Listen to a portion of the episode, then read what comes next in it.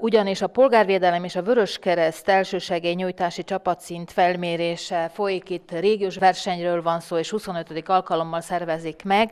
Most a Vöröskereszt Lendvai területi szervezete karöltve a polgárvédelemmel és Lendva községgel adott otthont ennek a versenynek, de nemzetközi jellegű 12 csapat méretteti meg magát, ebből 9 hazai és 3 külföldi.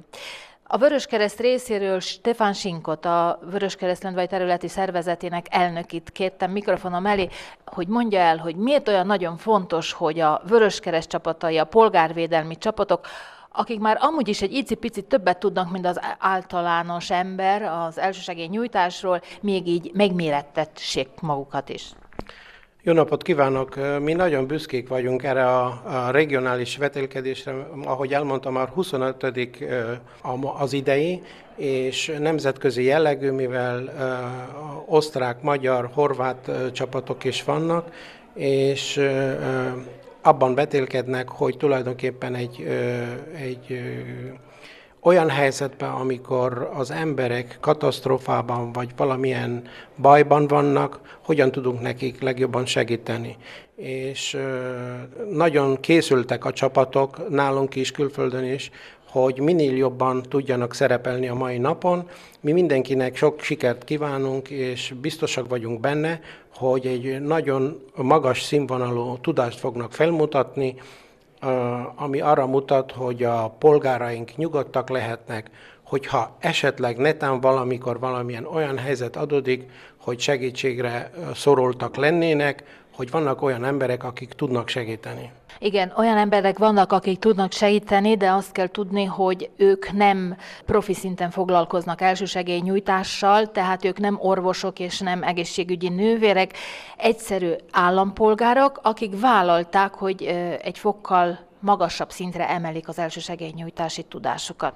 Abszolút, itt azt tudni kell, hogy ezek önkéntesek, és ö, saját jóvoltából jelentkeztek, és erre is nagyon büszkék vagyunk, és tulajdonképpen köszönetet is mondunk minden önkéntesnek, aki részt vesz ebben a vetélkedésben, és természetesen nem is az a feladat, hogy ők professzionális, szakszerű segít nyújtanának, hanem első segít, az, ami azt jelenti, hogy addig, ameddig nem jön a, a hivatalos mentőszolgálat, vagy a hivatalos orvos, addig tudjanak a betegnek segít nyújtani, mert tudjuk, hogy azok az első percek nagyon sokszor döntők ahhoz, hogy az ember életben marad vagy sem.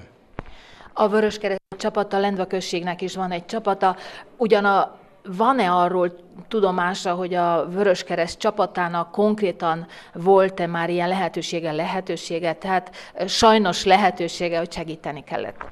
A mi csapataink új csapatok, a Lendvai területi szervezet, úgyhogy ilyen helyzet még nem volt, de voltak a, a Szlovénia más területeken voltak már olyan esetek, amikor ezek a csapatok akcióba léptek.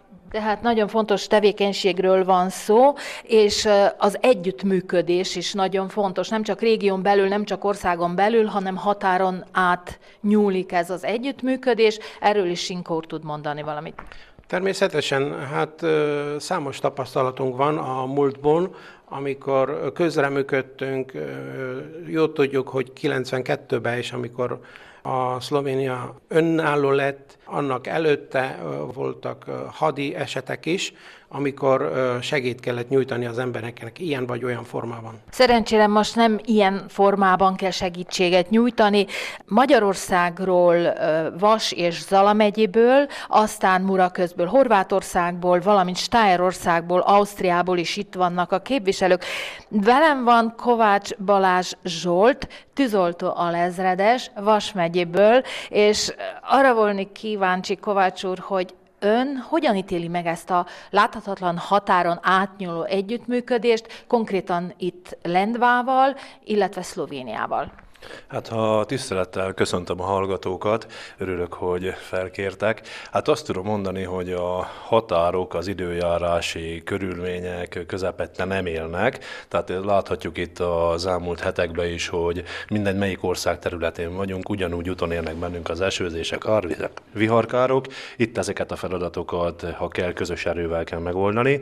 A mai versenyen a Vas megyei csapat most már 8. alkalommal vesz részt. A Magyarország Magyarországi katasztrófavédelem 2012-es átalakulása óta nagyon komolyan veszi ezt a polgári védelmi tevékenységet. Ez a csapatunk, aki itt ma megjelent, ez az őrség Girocskórab mentőcsoportnak egy egészségügyi egysége. Ez a csapat 80-90 főből áll, ma ide 7 fővel érkeztünk, ezek az egészségügyi is kollégák. Reméljük, hogy jó veszik az akadályt, ugyanúgy, mint az ezelőtti ilyen versenyek megmérettetéseivel alkalmak országokkal.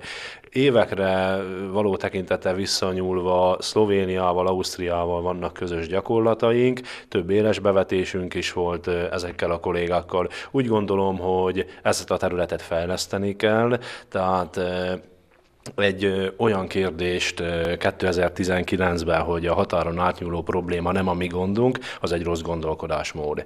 És a magyar katasztrófavédelem, a magyar önkéntesek és a magyar hivatásosok, azok nyitott szemmel és nyitott szívvel állnak ezelőtt az önkéntes és hivatásos segítségnyújtás előtt. Ebben egyáltalán nem kételkedem, viszont arra azért nem biztos, hogy, hogy minden lehetőség adott az unión belül. Régebben tudom, hogy voltak gondok a, a mentőautók ide-oda átkelésével. Most ezek az előírások mennyivel emberibbek? Hát erre azt tudom mondani, hogy a baj órájában és a bar percében ezek a bürokráciai úgy mondom kapuk pillanatok alatt megnyílnak, tehát azt tudom önnek mondani, hogy 2012 óta nem volt olyan bevetés, határ melletti bevetés, ahova nekünk problémát okozott volna átmenni, vagy onna esetlegesen idegen vagy szomszédos országból segítő erőket fogadni. Tehát úgy gondolom, hogy ez, ez egy közös felfogás, közös gondolkodás, ez az előrevezető út. Tehát én azt gondolom, hogy a esetlegesen régi mm, nehézségeket elfelejtettük, ilyenben én nem gondolom, hogy most problémánk lenne, ahogyan ma ide tudtunk érkezni, a kilométerre kiszámolt utat, azt annyira tettük még, amennyire az útvonal tervező ezt betervezte, tehát nekünk nem volt gondunk ide eljönni, nem kellett különösebb engedély, támogatott bennünket a saját főigazgatóságunk, ugyanúgy, mint az elmúlt években. Úgy gondolom, hogy ez egy nagyon rugalmas és jól egyműködő kapcsolattá fejlődött a két ország között. Ön képviselőként van most jelen, tehát ha jól tudom, a Vas megyei katasztrófavédelmi igazgatóság képviseletében van itt. Mennyire birtokolja az elsősegélynyújtási tudást? Én jó magam 2000-ben kerültem a szervezethez, mint hivatásos tűzoltó, azóta is a körmeni hivatásos tűzoltóságon szolgálom, most mint hivatásos tűzoltóság parancsnoka napi szinten. Azt kell mondanom napi szinten, tehát a saját területünkön mi 69 települést védünk, naponta 15-20 fővel. Ez nálunk a mi berendezkedésünknél általában a mentőszolgálatok a balesetekhez előbb érkeznek ki, azonban a kollégáinknak nincsen ilyen problémája, medikál képzést kaptak, vannak tűzoltó orvosaink, napi szinten gyakoroljuk. Tehát ahogyan az előbbi hozzászólásban is elmondhattuk, természetesen nem mentő orvosi tudással rendelkezünk, de az bizton állíthatom, hogy Magyarországon, és hogyha magyar tűzoltó jön külföldön, külföldre, ami több esetben fordult elő, ugye Szlovéniába, Horvátországba, hogy szabadnapos tűzoltóink sikeres újraélesztést, vagy esetleg baleseteknél elsősegélynyújtást tudtak végrehajtani.